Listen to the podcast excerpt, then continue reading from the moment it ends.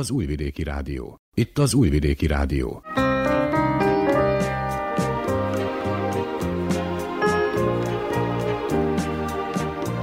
Egészségügyi mozaik.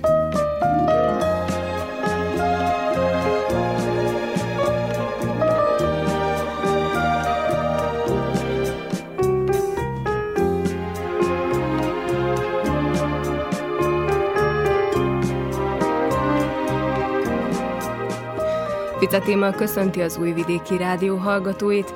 Az egészségügyi mozaik első órájában az allergiákról lesz szó. Ez az immunrendszer túlműködésének következményeként fordul elő. Tünetei nagyon változatosak lehetnek attól függően, hogy mi okozza az allergiát. Erről beszélgettem dr. Sétáló József tüdőgyógyásszal. Az első órában foglalkozunk még a fogamzásgátlással, ugyanis szeptember 26-án volt a napja. Célja az, hogy felhívják a figyelmet a fiatalok szexuális felvilágosítására és a korszerű fogamzásgátló módszerekre. Dr. Cservenák Péter nőgyógyász nyilatkozott a témában. Műsorunk második órájában az Emanci című független produkcióban a családon belüli erőszak lesz a téma.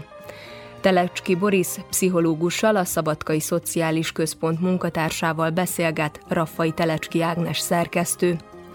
Majd ezt követően beszámolunk a szívnapja alkalmából szervezett egészségnapról, amit Zentán tartottak szeptember 27-én. Ezekkel a témákkal készültünk mára, ha felkeltettük érdeklődésüket, tartsanak velünk. Vukicsevics Mihályló zenei szerkesztő és Daniel Manojlovics hangtechnikus nevében tartalmas időtöltést kívánok.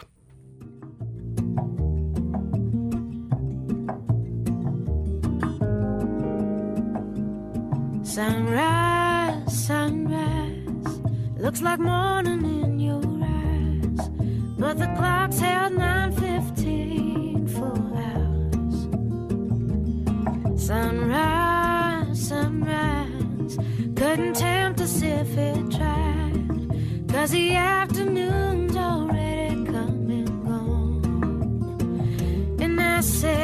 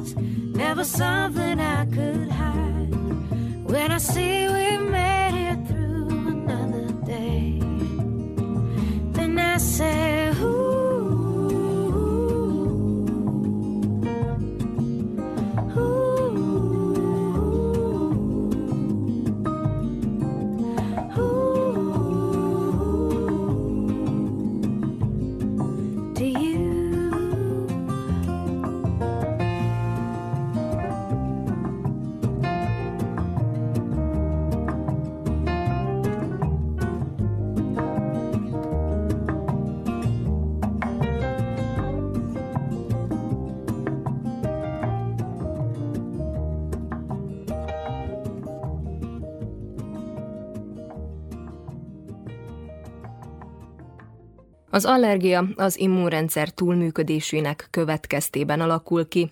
Az allergiás emberek immunrendszere ilyenkor az ártalmatlan anyagokra, például a pollenre, a házi állatok szőrére vagy a poratkára is úgy reagál, mintha károsak lennének, és emiatt védekező folyamatokat indít el a szervezetben. Attól függően, hogy mi okozza az allergiát, a tünetek nagyon változatosak lehetnek. Erről beszélgettem dr. Sétáló József tüdőgyógyásszal. Kamerica egész vajdaságról információkat kapott tulajdonképpen a tüdőbetegségekről. Tudom, hogy a 8%-át így akkor azon az osztályon, ahol én voltam, mondták, hogy 8%-a a vajdaságiaknak allergiás. Most 30%-a allergiás a vajdaságiaknak.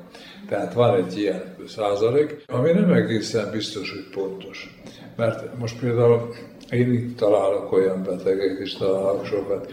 Ők a, az egészségházon keresztül kapják az adatokat. Most én is igyekszem azt azért leadni, és akkor hát, úgyhogy nem állunk messze ettől a százaléktól, de nem mondjam azt, hogy a tudományos intézmények nagyobb városokban foglalkoznak ezzel. Például Svédország nagyon jól kezelik jó, és jól is vezetik az allergiásokat, és ők azt állítják, hogy tulajdonképpen, tehát ezt a tizedet, hogy befejezzük, hogy addigra 90%-a a, az embereknek, a lakosoknak lesz allergiája. Tehát akkor ők ilyen növekvő tendenciát jósolnak? Ők csúnya dolgot jósolnak, mert az nagyon nagy szám, hát akkor majdnem mindenki az lesz. Ugye?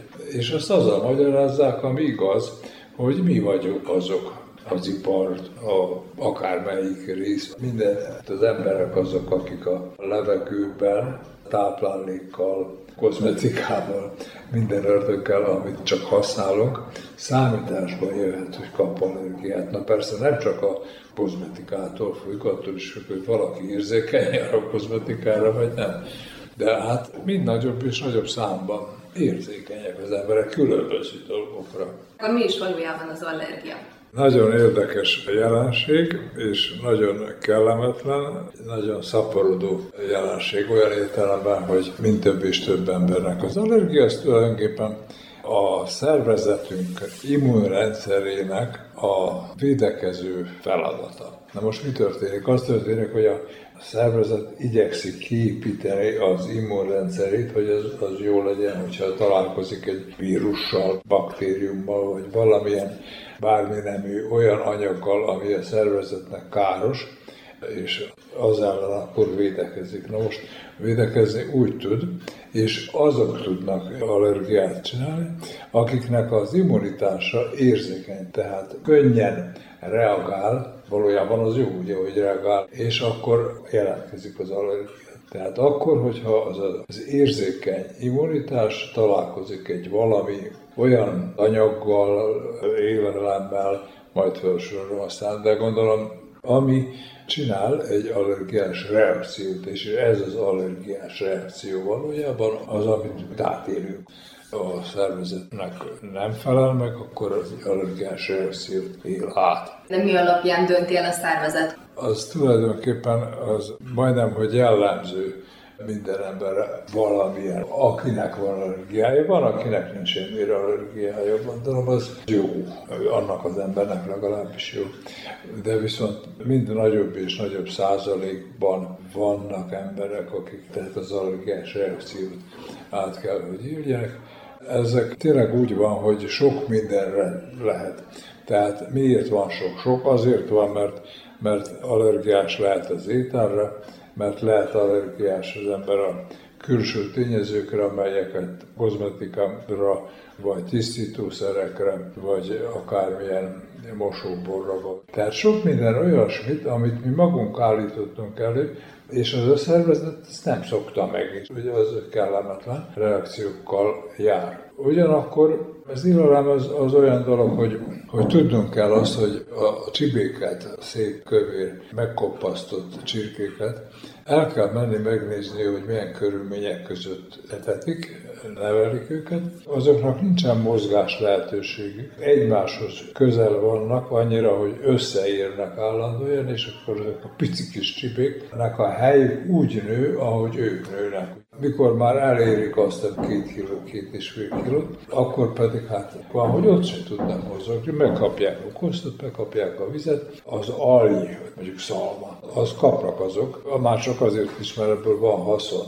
az, az, az trágya, és az nagyon jó, de ennek rettenetes bűze van, és én nem tudom, hogy mennyi ideig tart pontosan, de mondjuk 6-8 hétig tartson a csirkének a felnevelése. Utána az ugye hát kikerül, és akkor pucolják ki az egész ólat nevezzem úgy. Addig nem. Tehát egész idő alatt, amíg élnek, ők azt szépen ammóniákkal, meg, meg az ürülékükkel, meg a mindennel jó trágyát csinálnak belőle. Viszont az az embereknek nem jó. És a csibének a húsa is, hát amely nem mozog, az puha hús, az finom. De viszont azok, melyek a tanyán nő fel, és nagy területen mozognak, azoknak a húsa sokkal finomabb és kicsit keményebb, és persze nem csinálnak olyan nagy lehetőséget arra, hogy valamire allergiájuk legyen. No de hát nem csak a csirke. Akármilyen jószágot, amit nevelnek, például van száz tehene, bikája vannak, és akkor vannak, vannak tápjaik, ugye, hát ezt nem ők maguk csinálják, vagy, vagy részben nem, és abban, hogy mi minden van, abban a tápban, azt, azt én, én nem tudom mondjuk, de, de, de lehet, hogy a gazdaság, aki a kéteti, az biztos, hogy hormonok vannak benne, meg antibiotikum van benne, persze természetes táp is van, kukorica is van, vagy egyéb dolog, amit hát vele szoktak tenni, árpa, zabba, vagy ilyesmi, de azt ők megeszik, és utána mi őket. Ez azt jelenti,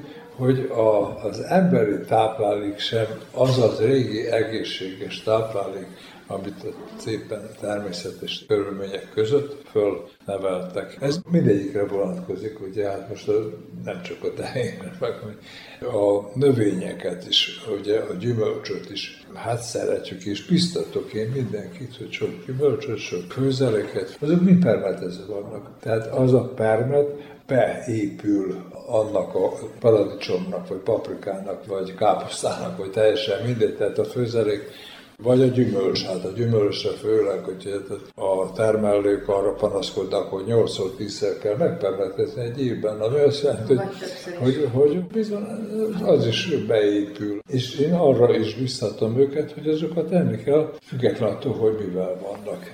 Néha úgy vízből vagy olyanoknak, akikre lehet mondani, akkor azt mondani, hogy a kukacos almát vegyenek, ne, ne azt a szép, nagy Miért? Hát azért, mert az nem volt talán permetezve, vagy kevesebb szer volt permetezve. De mostanában például nagyon elterjedt így a biotermelés, szóval nyilván ugye erre is most már kezdenek rájönni, hogy az sem annyira jó, és sokan hát ugye többszörös áron akkor inkább megveszik ugye azokat, amik, amik biók. Igen, bizonyos értelemben kevesebb van ezekből a mérgekből, de azért az se százszázalékosan bió, áztatott család azzal permetezve megspórolnak sok mérget, ugye, tehát a gazda az megőrzi vele az almáját, vagy akármiét, de minden esetben használják ezt, és biztos, hogy azért jó ez is, hogy jobb is, drágább is, igaza van. De hát több munka is van vele, és nem is olyan nagyon százszázalékosan bió azért, amit árulnak.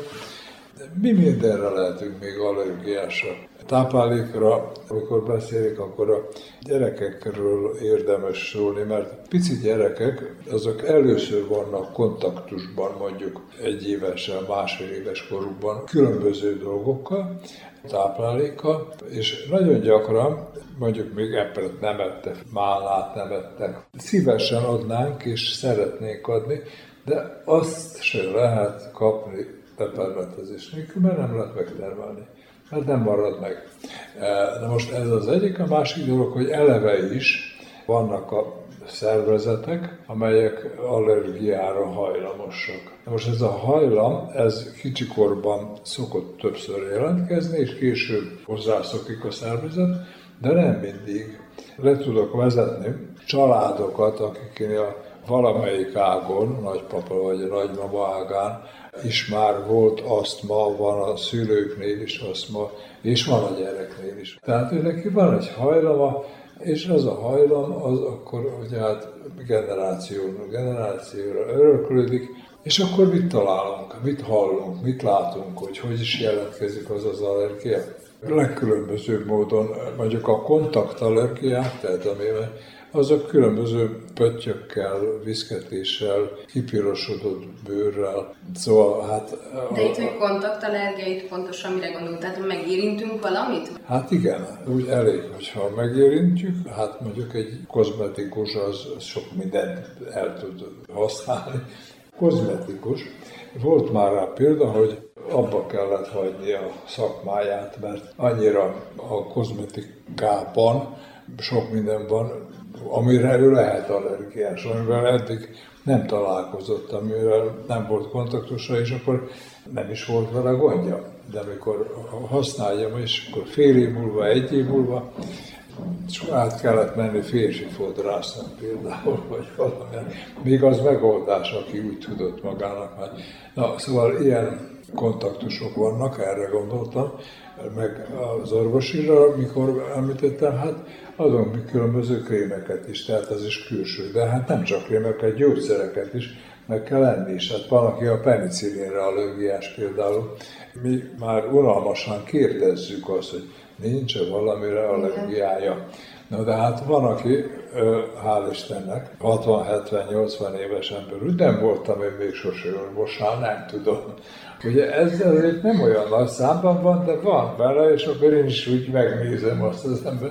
Az, az nagyon, nagyon érdekes dolog. Nem csak antibiotikumot adunk mi, hát reuma elleni gyógyszereket, különböző fájdalom, csillapítókat, amit nem tudhatok, hogy ő allergiás vagy nem, és akkor hát ez is utólagosan, akkor mi ezt jegyezzük, írjuk mondom, nem itt magamnak jegyzem, hanem az ő dokumentációjában jegyzem, és hogyha a következőben megjelenik, akkor itt az ekránon látom, hogy oda, oda jeleztük, hogy erre meg erre allergiás. Az allergia a légutakban kezdődnek, ugye, az orban, a színuszokban, a karatban, a hörgökben, és a legkisebb, legpicibb léghólyagocskáig eljut, tehát a legkisebb részéig a tüdőnek, sok minden allergia alapon az asztma, leginkább asztmának nevezett ugye, hát reakciók ezek, asztma keletkezik, vagy pedig krónikus orfolyás, attól függ, hogy melyik szinten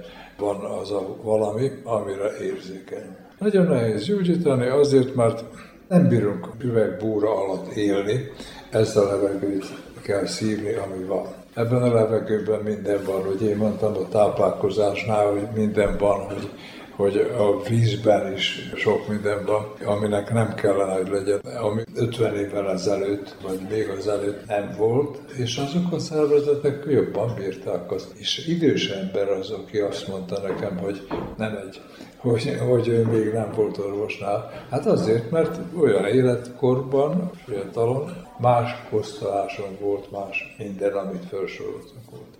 A belélegzéssel keletkezett allergiák azok azért nagyon nehezek, nehéz elviselni, mert a munka képessége annak az egyénnek nagyon lecsökken. Az az, hogy lecsökkenhet. Általában mi tudjuk, sokszor a beteg is tudja. Nagyon érdekes az, amikor mondja, hogy én augusztus, szeptember, októberban beteg vagyok, fulladok, köhögök, éjszaka nem bírok aladni, ülve alszom és a többi.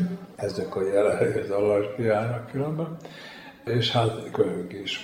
De ez ugye általában ritka, hanem nagyobb számról van itt szó.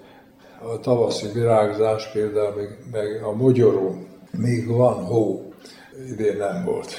Volt mások olyan esztendő, amikor virágzik a mogyoró, ugye a kis hurkái vannak, és akkor az, abban nagyon sok a pólen, és szeles is az idő, olyankor még márciusban, áprilisban, de márciusban is, de, de már még februárban is, megjelenik az első beteg, akik jönnek, hogy, hogy elkezdett fulladni, és akkor hát többszörös, több éven keresztül már tudja, hogy mert, virágzik a magyarok.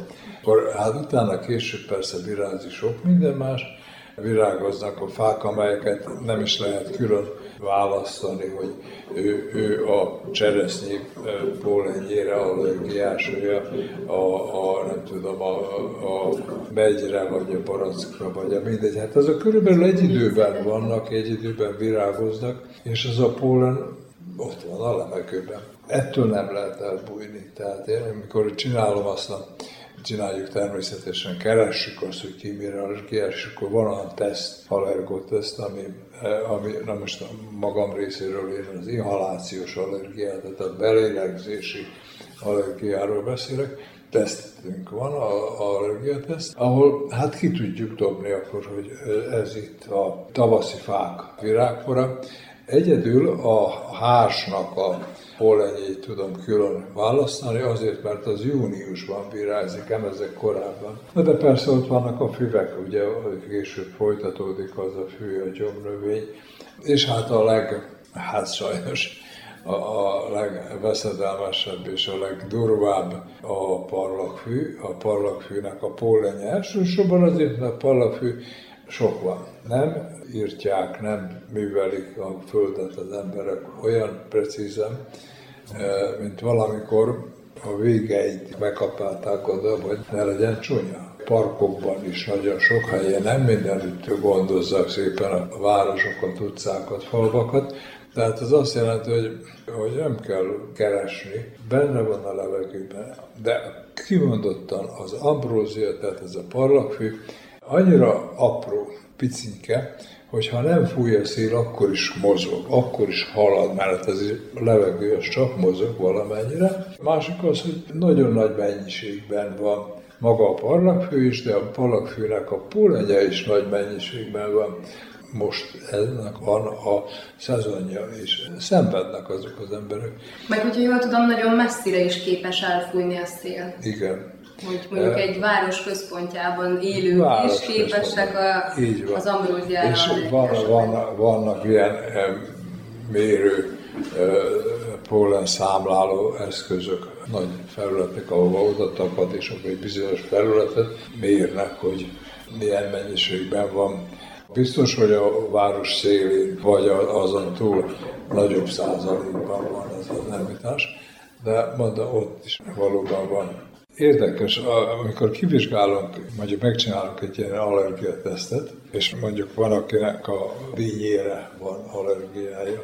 Ételre gondolok most, nem a dínyének a virágzására, van, aki a zöldségre, például a zöld répára allergiás. Hát az utóbbi időben nagyon próbálják megtalálni azt, hogy valóban vannak ezek a keresztallergiák, ami azt jelenti, hogy ha, ha én nekem a dinnyére mondjuk van allergia, akkor vigyázni kell a sárgarépára, a paradicsomra, és nincs is ez még kivizsgálva. Ez, ez egy nagyon új része a gyógyszeriparnak, vagy a, inkább a biológiai kivizsgálásoknak, és az nagyon kellemetlen, hogy nem tudom. Tehát én nyugodtan vinyézgetek, és nem tudom, hogy hoppá, ez se szabad, az se szabad.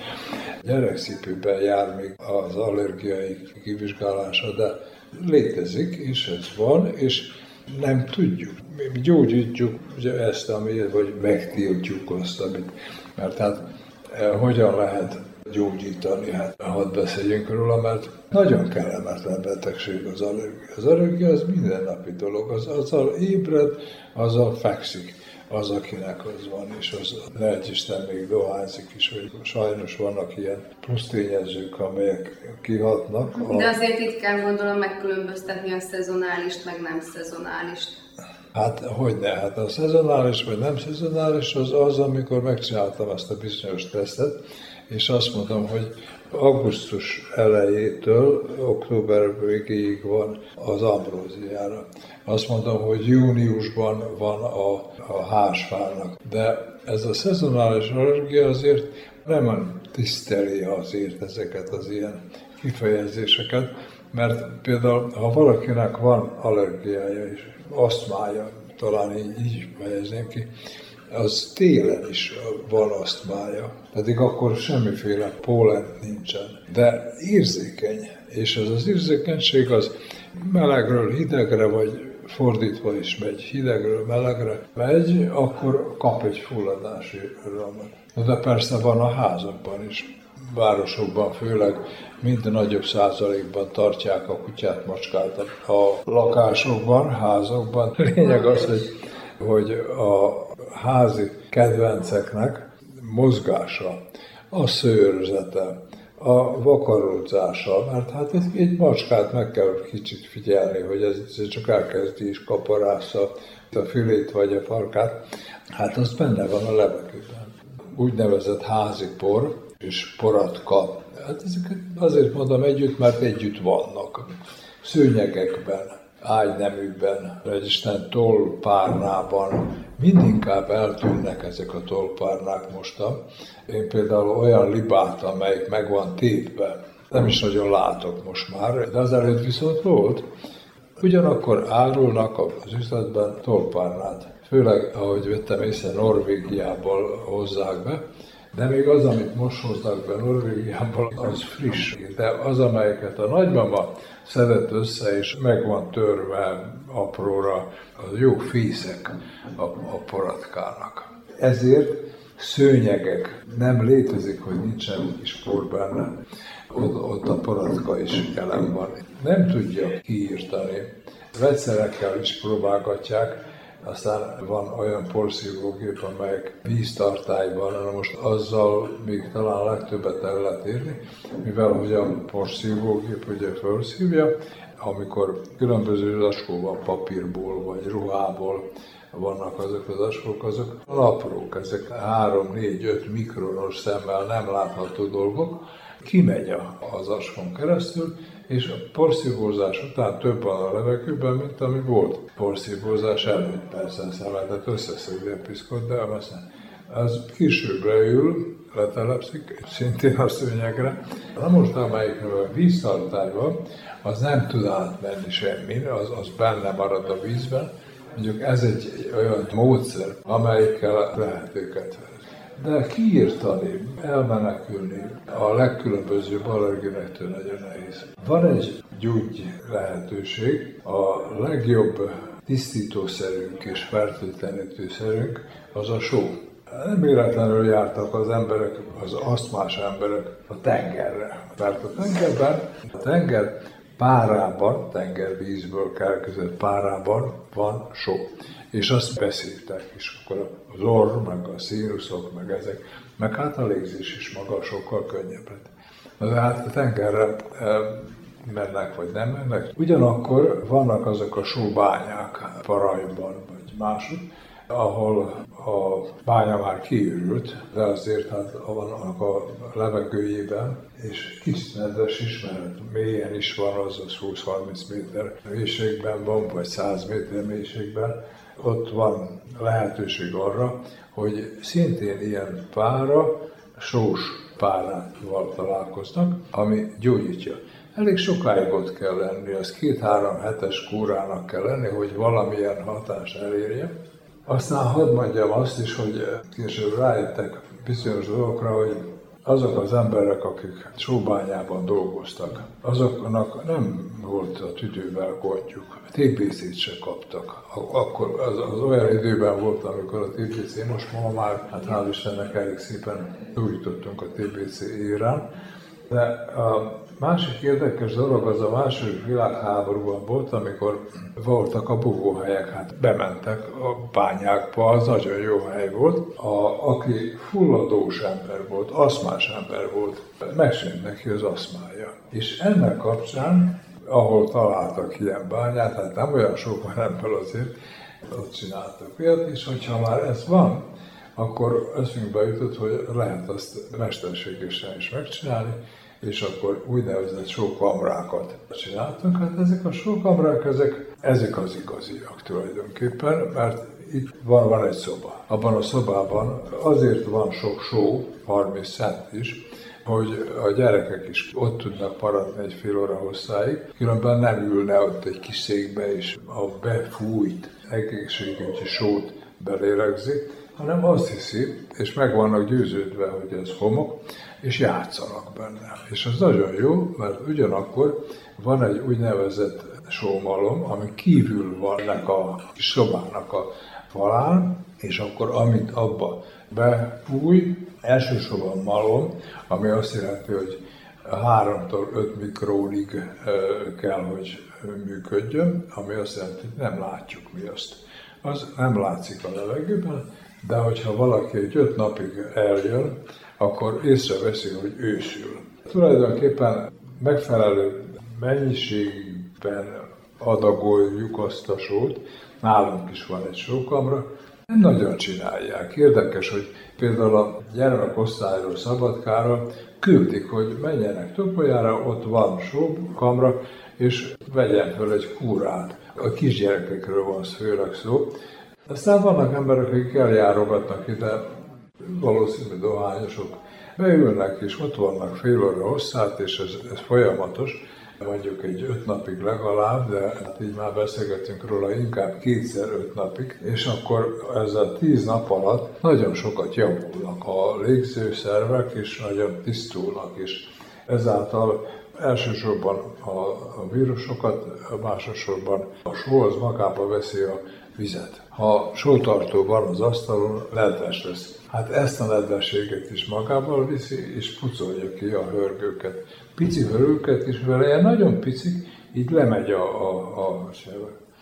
Hát aztán csinálnak mindenféle ilyen köveket. Tehát azokból nem jön só, Ulcikban például a sót úgy csinálják, hogy tavasszal nagy medencéket megengednek tengervízzel, és akkor amikor ott kipárolgott, akkor lapátokkal egy helyen láttam, csak úgy összeszedték, hát persze átpucolják azt. És a só az, ami ott maradt, itt pedig azt adjuk be a levegőbe.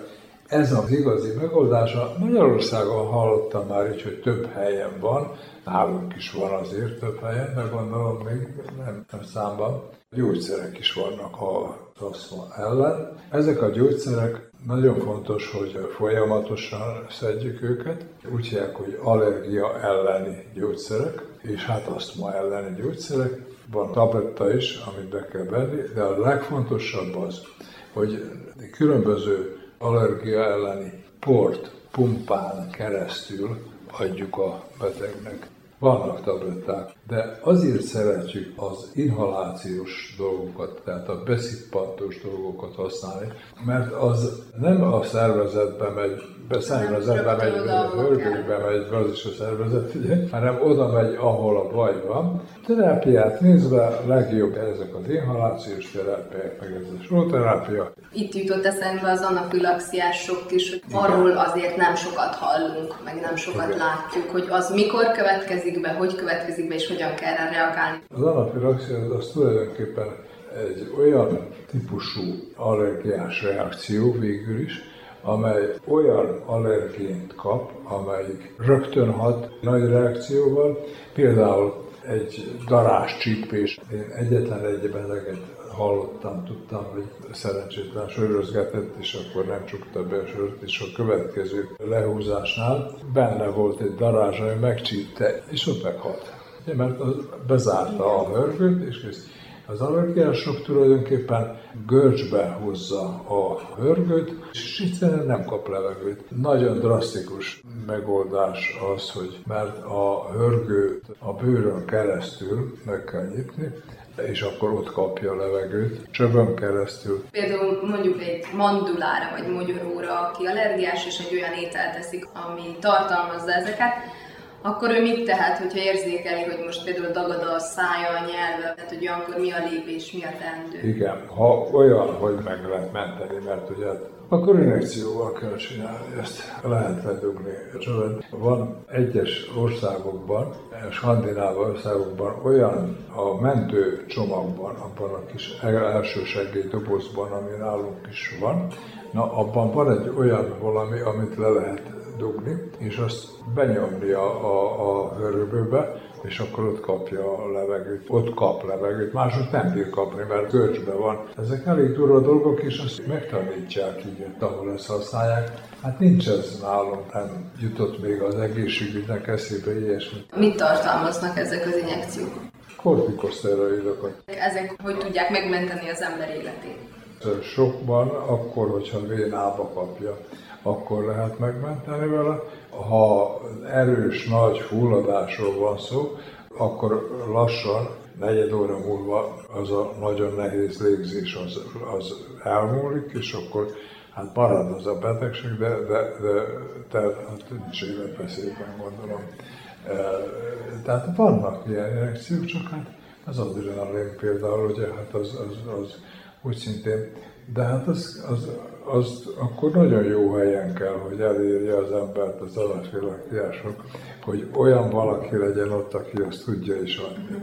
De úgy tudom, hogy azok, akik például tisztában vannak vele, hogy valamire allergiások, akár most itt a mandulát említettem, hogy ő tud magánál hordani a táskájában egy ilyen injekciót, amit magának is be tud lőni. Tud, igen. A pollenallergiákat nem, nem soroljuk az anafilaxiás sokhoz, Oda nagyon erős és nagyon nagy mennyiségű anyag kell ahhoz, hogy az hasson úgy, hogy életveszélybe kerüljek. Az asztma, a bőrasztma, meg, a, meg az ilyen már, meg ezek kellemetlen dolgok, meg minden, de az, amikor az embernek az élete attól függ, hogy van-e oxigénje, vagy nincsen, akkor az a legnehezebb. Milyen úton módon lehet kivizsgálni ezeket a dolgokat? Például itt van ez egy tesztna, inhalátorne allergéne, allergóteszt. Én ezeket használom, mert a mi környezetünkben ez van. És ezeknek mindegyiknek van egy pici kis üvegje, abból van csepp, azok negyed óra múlva, aki, mert persze meg kell szurkálni,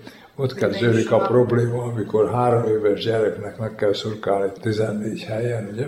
Az inhalációs allergia, most nekem van lehetőségem arra, hogy véren keresztül csináljam.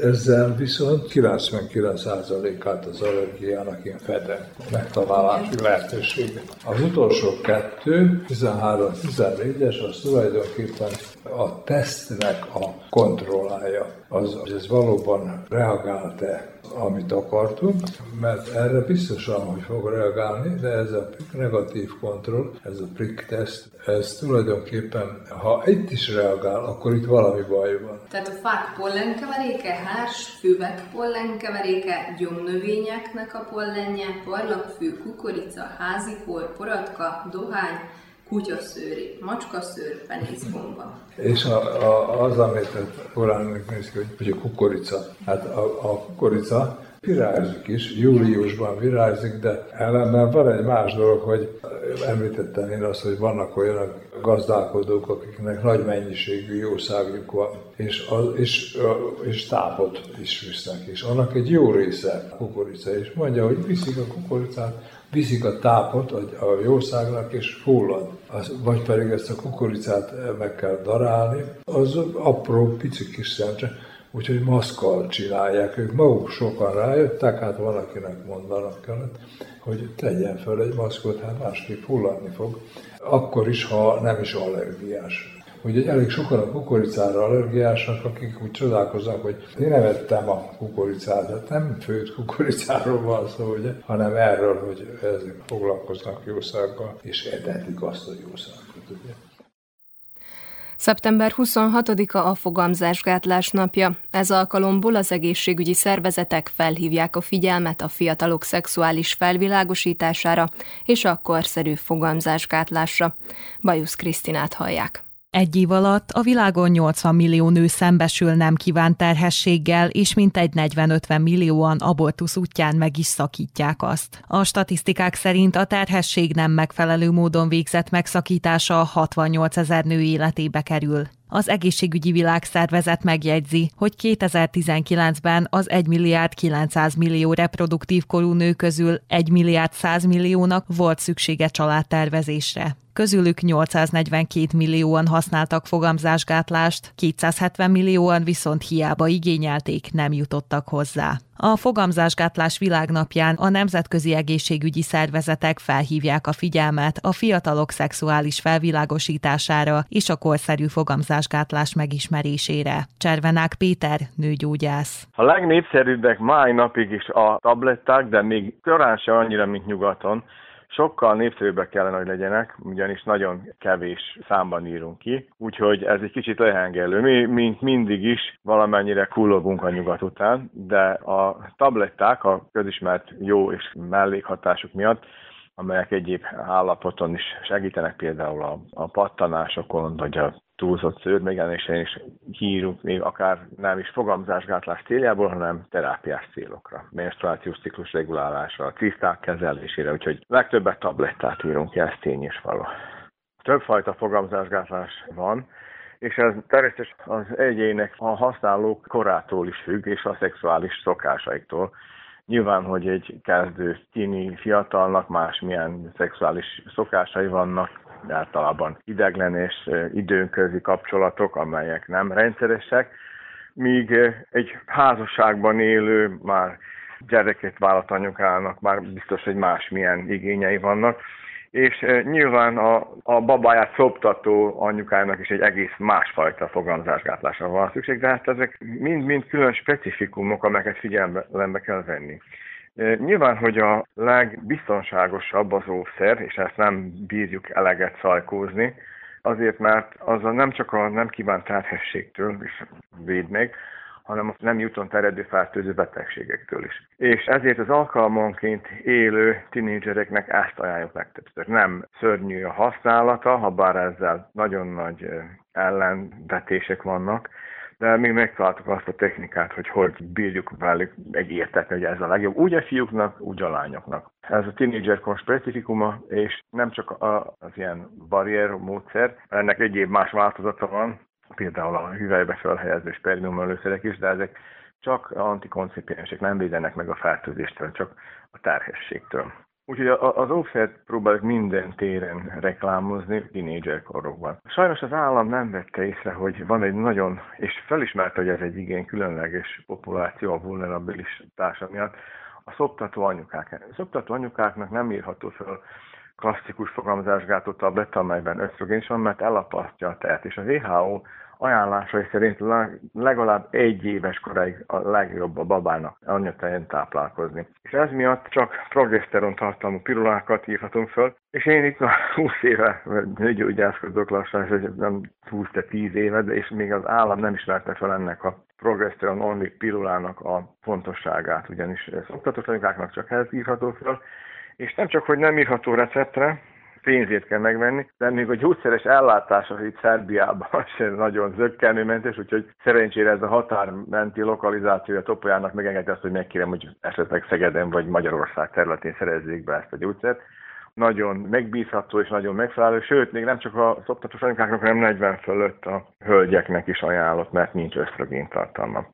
Úgyhogy a fogalmazásgátlásnak a harmadik említendő módszere viszont a spirál, ami ugye nagyon közhiedelmekkel, és, és azt látjuk ugyanúgy pontosan az összes fogamzásgátlással, meg a HPV elleni oltásokkal is, hogy egy ilyen anti-vaxer-szerű föllázadások vannak, hogy az, a, a, olyan tévhiteket terjesztenek, amelyek teljesen nem állnak, sőt azoknak az ellen súlyozására írjuk fel néha őket, de annyira mélyen bevésődtek a kvázi googlizós internet tudósok között, hogy nehéz ezeket szét omlasztani, ezeket a tévhiteket, de a spirálokat még nem szült hölgyeknek, tiniknek is felhelyezzük, ugyanis nagyon sok jó mellékhatása is van. Az első, amit mondanék, hogy esemény utáni tabletta, az ugye az csak 72 óráig felhelyezve a spirál, az az esemény után 5 napig felhelyezhető és meggátolja a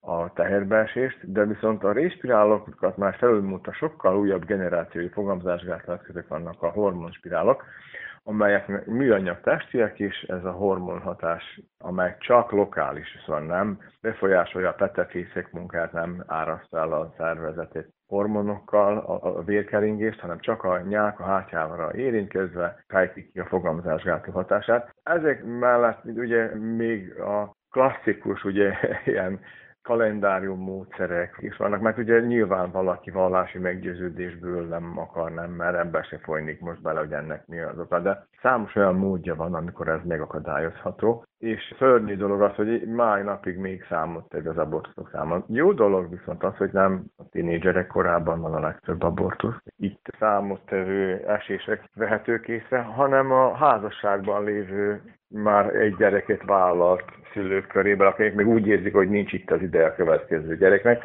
Ez is arra van, hogy a kontracepciós tudatossággal nem foglalkozunk eleget, és ezek a szülők lesznek azok, amelyek aztán egy nap majd a lánygyerekeiket tanácsolniuk kell, hogy mit csináljanak, mit nem, úgyhogy itt magában a fogalmazásgátlás tanácsadásban nem csak a tinédzserekkel, de legfőképp velük, ugye nyilván nekik ez egy új fejezet az életükben, de felnőttekkel is érdemes foglalkozni. Úgyhogy még, még minden abortusz felesleges, és az abortusz az legyen csak egy olyan végvonala a női jogoknak, amikor tényleg nem akar gyereket vállalni, vagy családot, és ez csak is az ő döntése lehet, de számtalan módja van, és erről szól ez a nap, hogy a fogamzásgátlás világnak egy erre felhívja a figyelmet, hogy nem kötelező abortuszon kikötni. Más módja is van a fogamzásgátlásnak.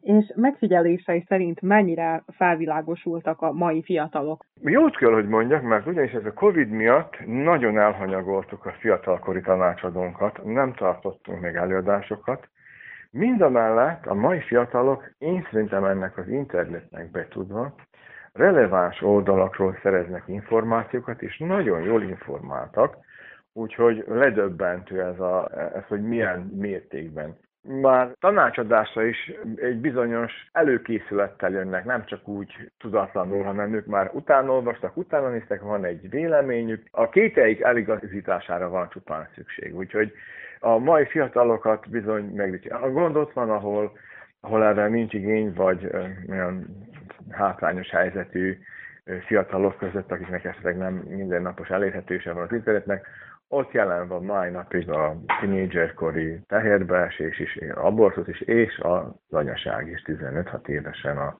az anyaság felvállalása. Úgyhogy ezért még van mit dolgozunk, de az egészségügyi rendszerünk elég megterhelt, és nem adekvát, nincs megfelelően ember, aki ezt az egészet elvégezze, és ezek az ilyen tanácsadások bizony a háttérbe szorultak, mert a normális hétköznapi munkák ellátásához is már kevesen vagyunk.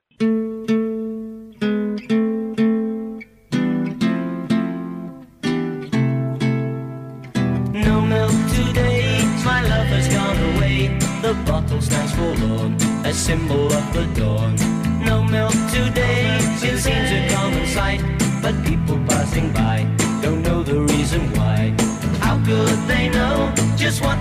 Message means? The end of my hopes, the end of all my dreams. How could they know the palace there had been behind the door where my love reigned as queen? No milk today, it wasn't always so. The company was gay, we turn night today.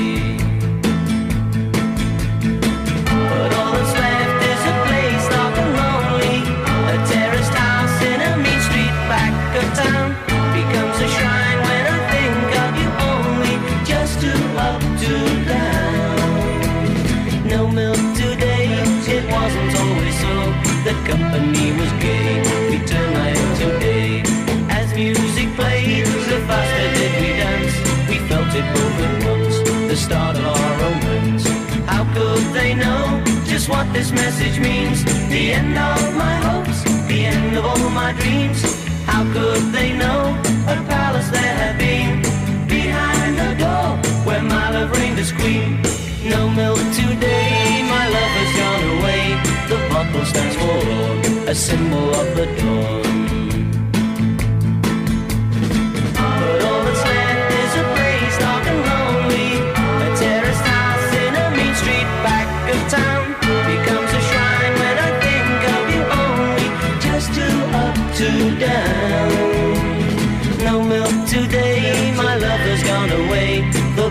Stands for a symbol of the dawn. No milk today, it seems a common sight, but people passing by don't know the reason why. How could they know just what this message means? The end of my hopes, the end of all my dreams.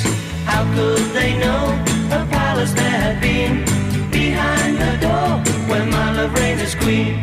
No milk today, it wasn't always so. The company was gay, we turn night today. But all that's left is a place dark and lonely, a terraced house in a mean street back of town.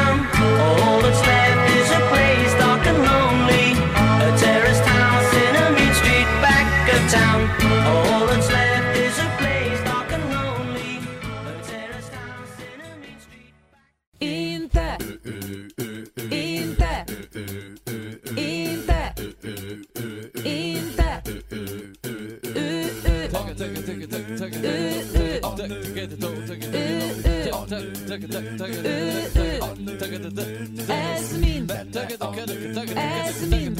Ez mind. Ez mind.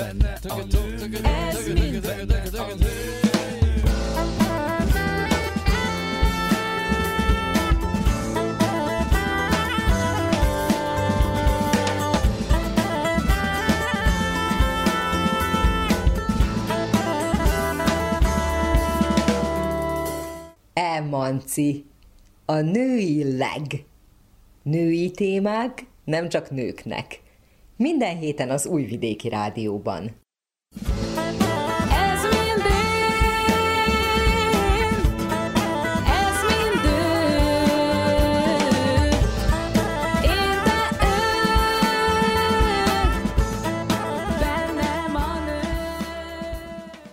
Szép napot kívánok! Raffai Ágnes köszönti az Újvidéki Rádió minden kedves hallgatóját.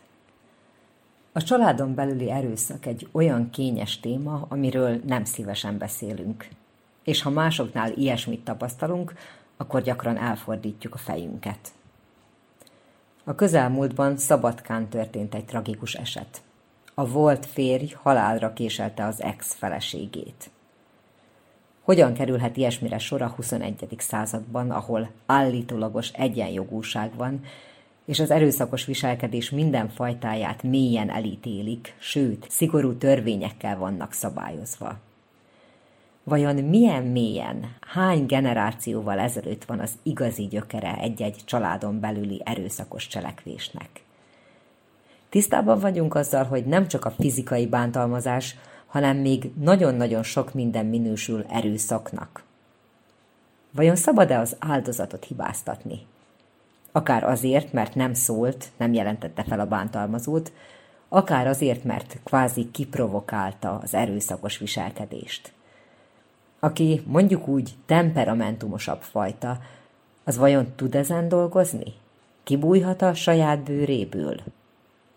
És ami elengedhetetlenül fontos kérdés, hogyan reagáljunk, ha akár a közeli ismerősöknél, akár idegen emberek között erőszakos viselkedést tapasztalunk. Telecski Boris pszichológussal, a Szabadkai Szociális Központ munkatársával beszélgetek. Tartsanak velünk!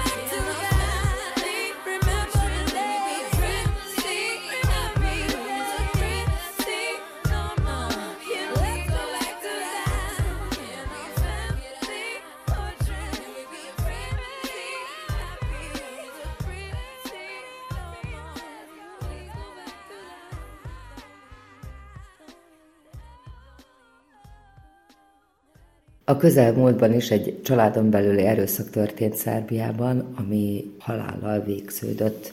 Ez nem egyedi eset. Lehet a világban területeket vagy országokat megjelölni, ahol ez jellemzőbb viselkedésforma, vagy nem lehet így általánosítani?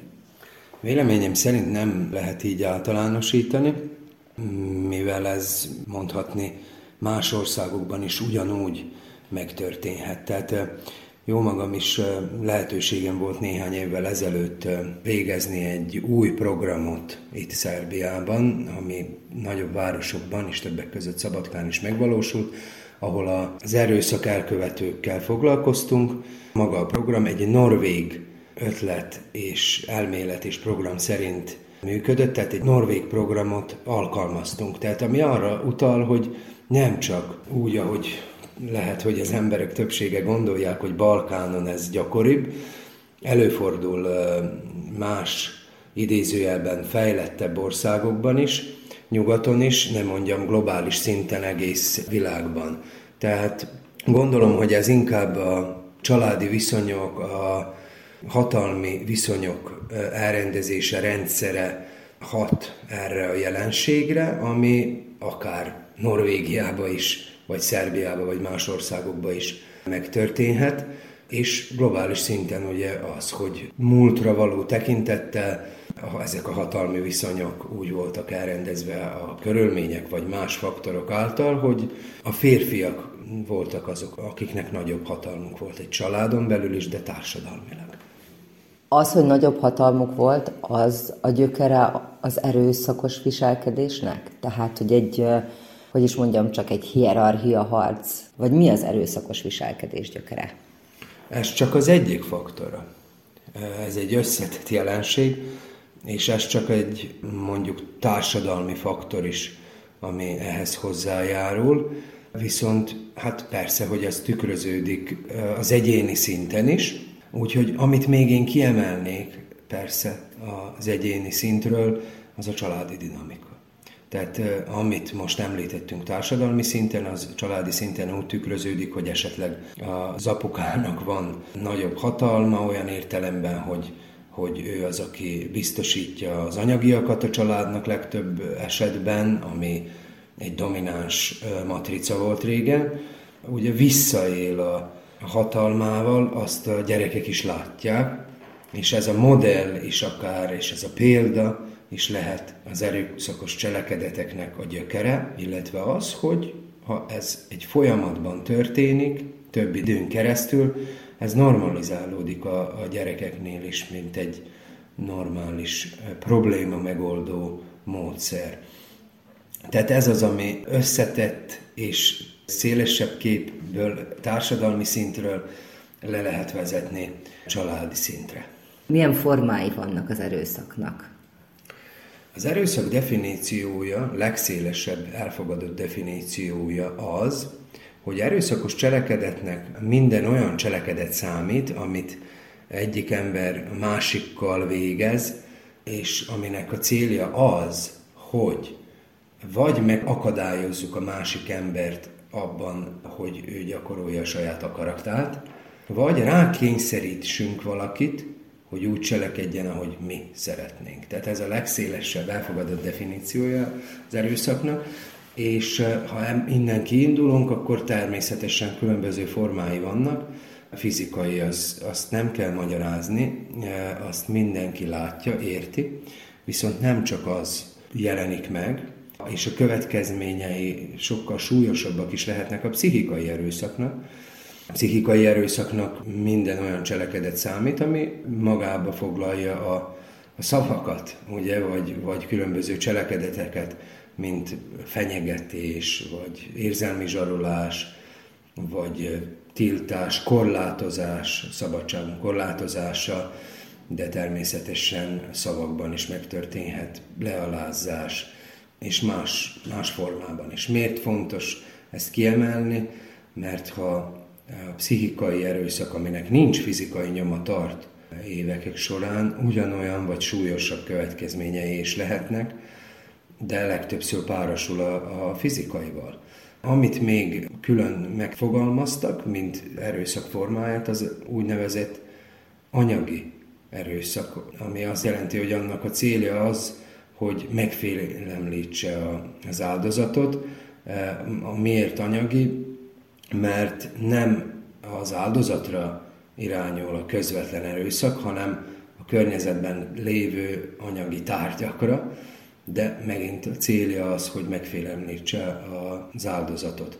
Valamint a pénzügyi erőszak is párosul sokszor, Beszéltünk a viszony és a hatalmi rendszerekről, amikor ez van, hogy a férfinál van a hatalom. Vannak esetek is, ahol egyszerűen a nőnek be van tiltva, vagy nincsen megengedve az önmegvalósítása, az, hogy dolgozzon, és ez is annak a hatalomnak a visszaélése, amit említettem, olyan értelemben, hogy csak a férfi tud rendelkezni az anyagiakkal, a pénzügyekkel, és ezzel is tartja a, hatalmat a saját oldalán.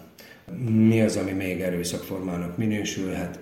Izoláció, amikor, ahogy mondtam, a szabadságot is ki vagyunk tiltva a környezettől, be vannak tiltva a szociális interakciók, vagy a gyerekeket is használjuk ahhoz, hogy elérjük a célunkat.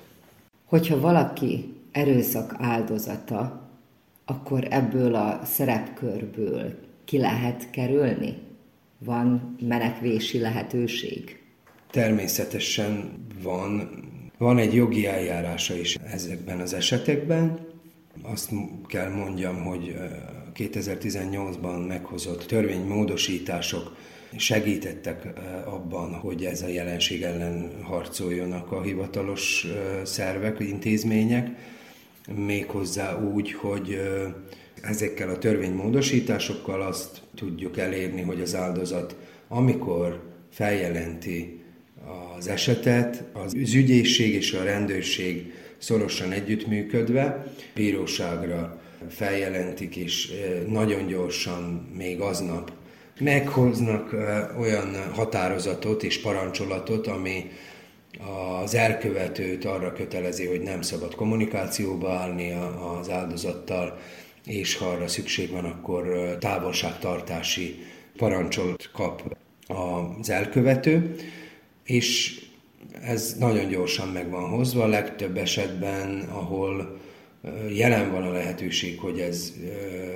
megismétlődik, és jelen van a veszély, ezt nagyon gyorsan 48 órára hozzák az első sürgős intézkedéseket, és utána ez legtöbbször meg van hosszabbítva 30 napra, vagy akár többre is, és az az idő alatt, ha az elkövető megpróbál kommunikációba lépni, vagy bármit az áldozattal, azonnali börtönbüntetést kap. Az eljárások is most már meggyorsultak, ez már bűncselekmény korábbról, de most ilyen plusz intézkedésekkel úgy gondolom, hogy, hogy hatékonyabb a harc ez a jelenség ellen, de sajnos még így is vannak esetek, amelyeket a rendszer egyszerűen nem regisztrál, és sajnos tragédiák is történhetnek így is, mert sok-sok családban még mindig az áldozatok félnek a következményektől, és nem merik feljelenteni, bejelenteni az erőszakot. Gyakran hallunk olyan esetekről, ahol egyszerűen nem kért segítséget az áldozat. Gyakran van olyan is, amikor a környezet tud arról, hogy valaki erőszakosan viselkedik, és ők sem lépnek, ők sem reagálnak. Mit gondolsz, miért van az, hogy sokszor nem fordulnak segítségért az áldozatok? Elsősorban igen, a környezet első reakció mindig hasonló, hogy igen, szörnyű az, ami történt, de miért nem jelentette fel az áldozat? Az egyfajta másodlagos viktimizáció, hogy úgy mondjam, vagy hibáztatás, ami, ami ilyenkor az áldozat pszichikai állapotát tekintve nem jól hat rá, ha ezt közvetlen neki mondjuk.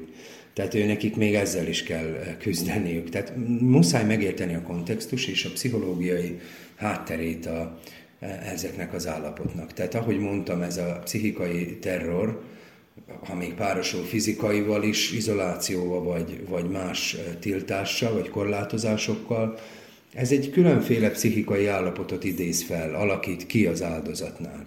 Ha ez folyamatosan tart, megfélemlítés nem említettem, akkor ez, a, ez az áldozat egy folyamatos félelembe és rettegésbe élt. Tehát ezt meg kell értenünk, hogy a félelemnek egy ilyen hatása is lehet, hogy passzívak leszünk attól, megtanuljuk, hogy a legbiztonságosabb az, hogy ha tűrünk, tehát egy ilyen fajta megtanult tehetetlenségbe gurul az áldozat, ami tényleg elpasszivizálja és, és azt teszi, hogy lefagy és, és nem tud lépni.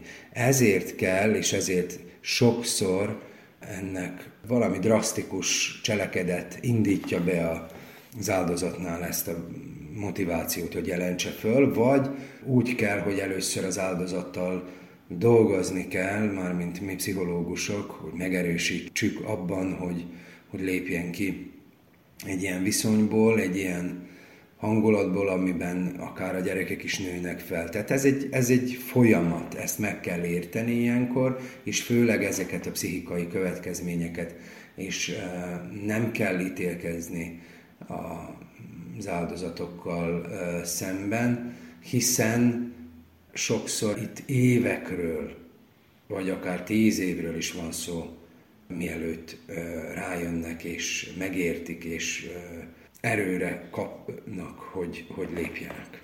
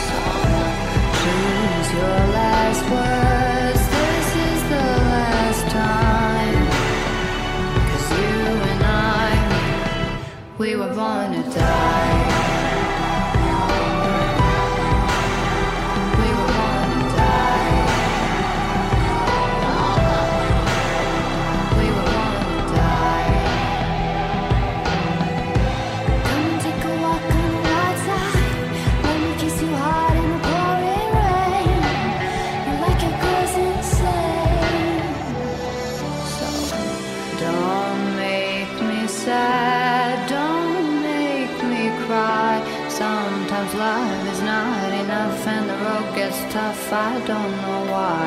Keep making me laugh. Let's go get high. The road is long, we carry on. Try to have fun in the meantime.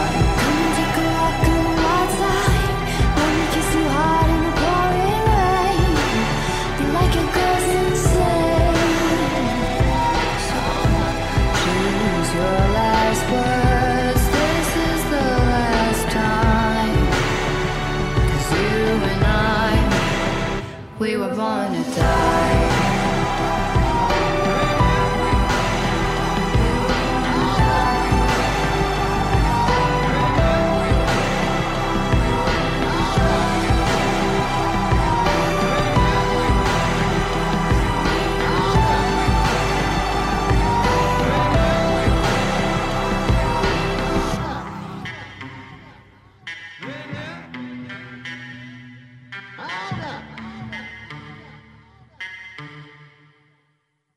Említetted azt, hogy már korábban dolgoztatok erőszak elkövetőkkel a Szabadkai Szociális Központ keretein belül.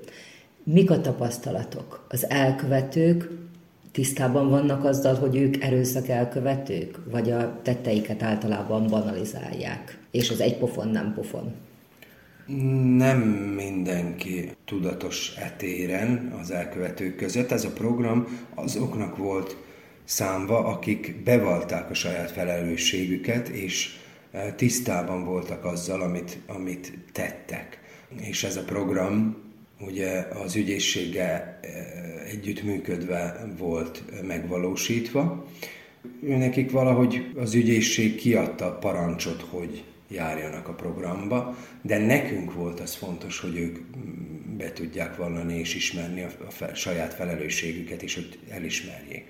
Sajnos nem tudja ezt mindenki az elkövetők közül elismerni, vagy bevallani, hiszen őnáluk is egy erős, ahogy mondtam, a modell is, és valahogy a példa, amit kaptak, ami szinte generációról generációra ment, minden férfiről férfira, és itt ez egy nagyon-nagyon erős sablonokról van szó, gondolkodási módról, értékrendről, ami, amiben a nőkkel szembeni, vagy egyáltalán az erőszak nagyon normalizált, tehát normális a viselkedési repertoárjukban van.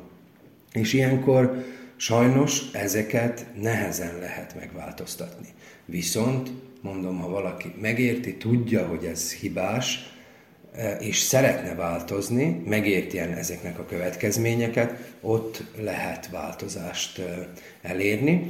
De persze, ahogy mondtam, ezekben a keményebb, berögződöttebb gondolkodásokban és viselkedésekben az elkövetőknél, az erőszak elkövetőknél, az is egy, egy oda tartozik a védekezési mechanizmusok, azt, amit mondtál, amit említettél, hogy sokszor azzal védekeznek, hogy hát én nem ütöttem volna meg, ha ő nem provokált volna ki, ami abszurd, tehát mi nem lehetünk felelősek mások cselekedetért, főleg egy erőszakról, ha van szó, ott kizárólag az a hibás vagy felelős, aki azt teszi. Tehát ez a leggyakoribb védekezés, illetve e, van, van más is, hogy ilyen külső faktorokkal igazolják a saját cselekedetüket, mint például az alkoholra, hát elborult az elmém, és hasonló kifogások. Tehát igen, minden mellett, amit mondtam, példa berögzött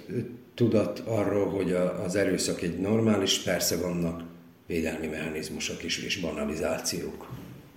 Hogyha a környezetünkben úgy látjuk, hogy valahol erőszakos viselkedés történik, akár ismeretleneket látunk az utcán veszekedni, akár nem tudom, a rokonságban, a szomszédságban, a baráti társaságban ilyesmit látunk. Mi a helyes cselekedet? A rendőrséghez fordulni, szociális központhoz fordulni, elfordítani a fejünket és azt mondani, hogy majd mindenki megoldja a saját dolgát. Hogyan kell reagálni egy-egy ilyen eseményre?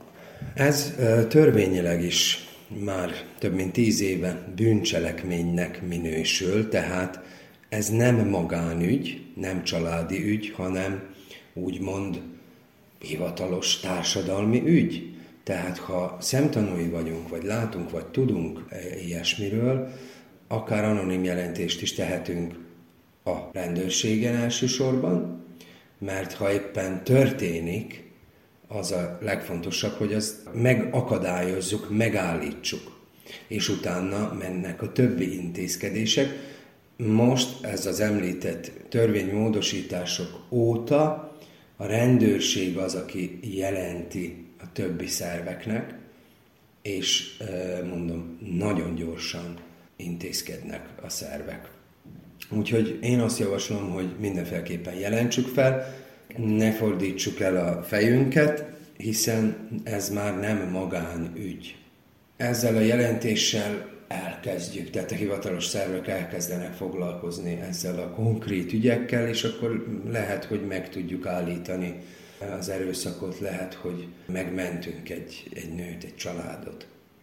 Ezért nem kell elfordítani a fejünket. Tep, tum, tararum, tep, tum, tararum, tep, tum, tararum, tep, tum, tararum. Kedves hallgatóink, ennyi fért mai műsorunkba, melyben Telecski Boris pszichológussal, a Szabadkai Szociális Központ munkatársával beszélgettem. Köszönöm figyelmüket. Vigyázzanak magukra és egymásra. A szerkesztő Raffai Ágnes mára búcsúzik Önöktől.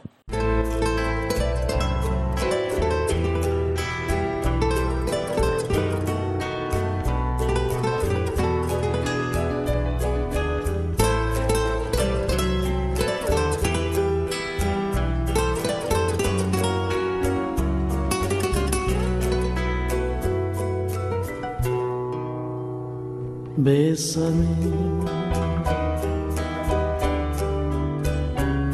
bésame mucho,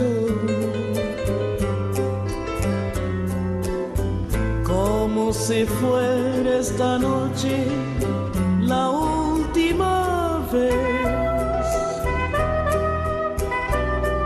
Bésame, bésame mucho.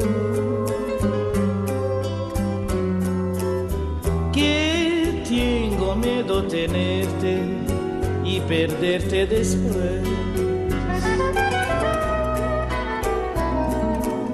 Bésame, bésame mucho, como si fuera esta noche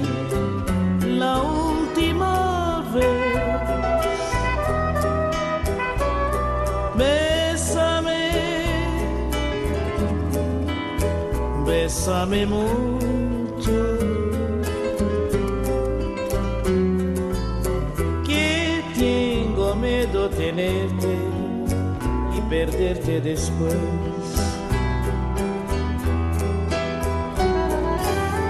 Quiero tenerte muy cerca, mirarme en tus ojos, verte junto a mí que tal vez mañana ya estaré muy lejos, muy lejos de ti.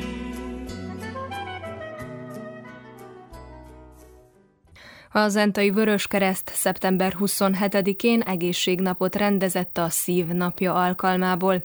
Az eseményt a Zentai Egészségház a Zentai Cukorbetegek Szervezetével együtt bonyolította le.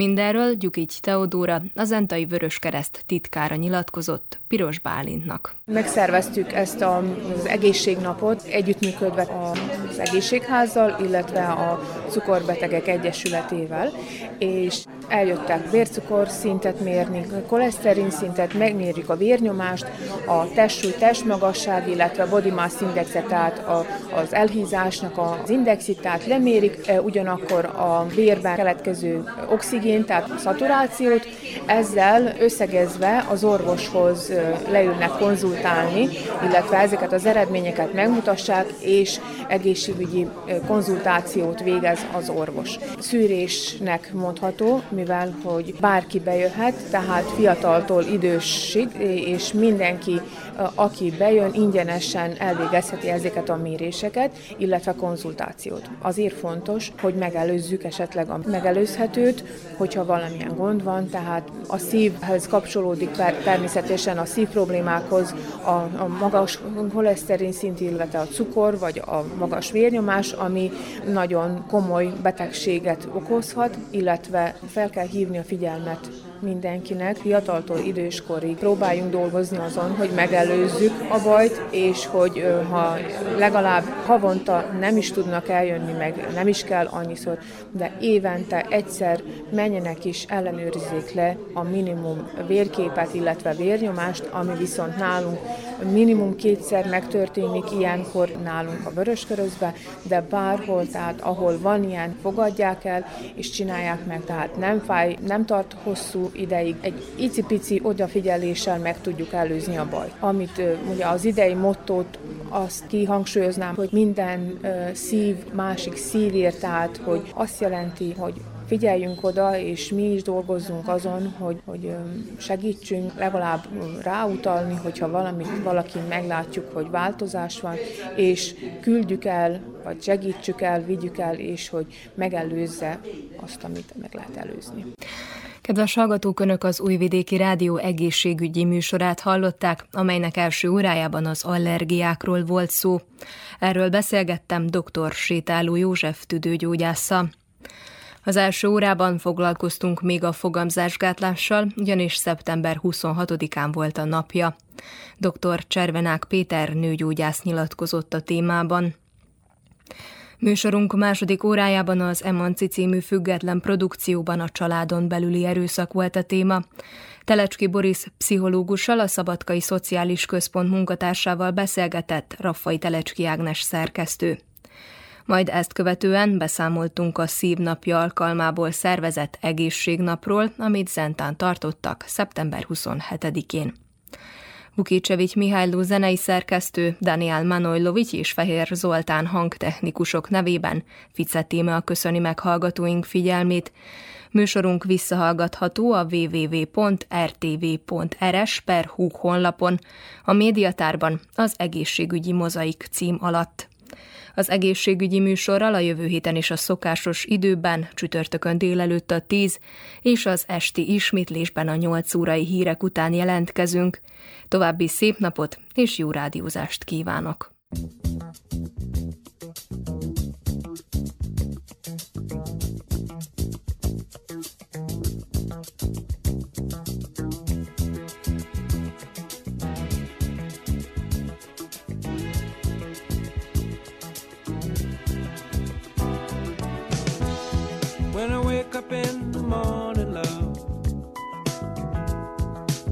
Sunlight hurts my eyes,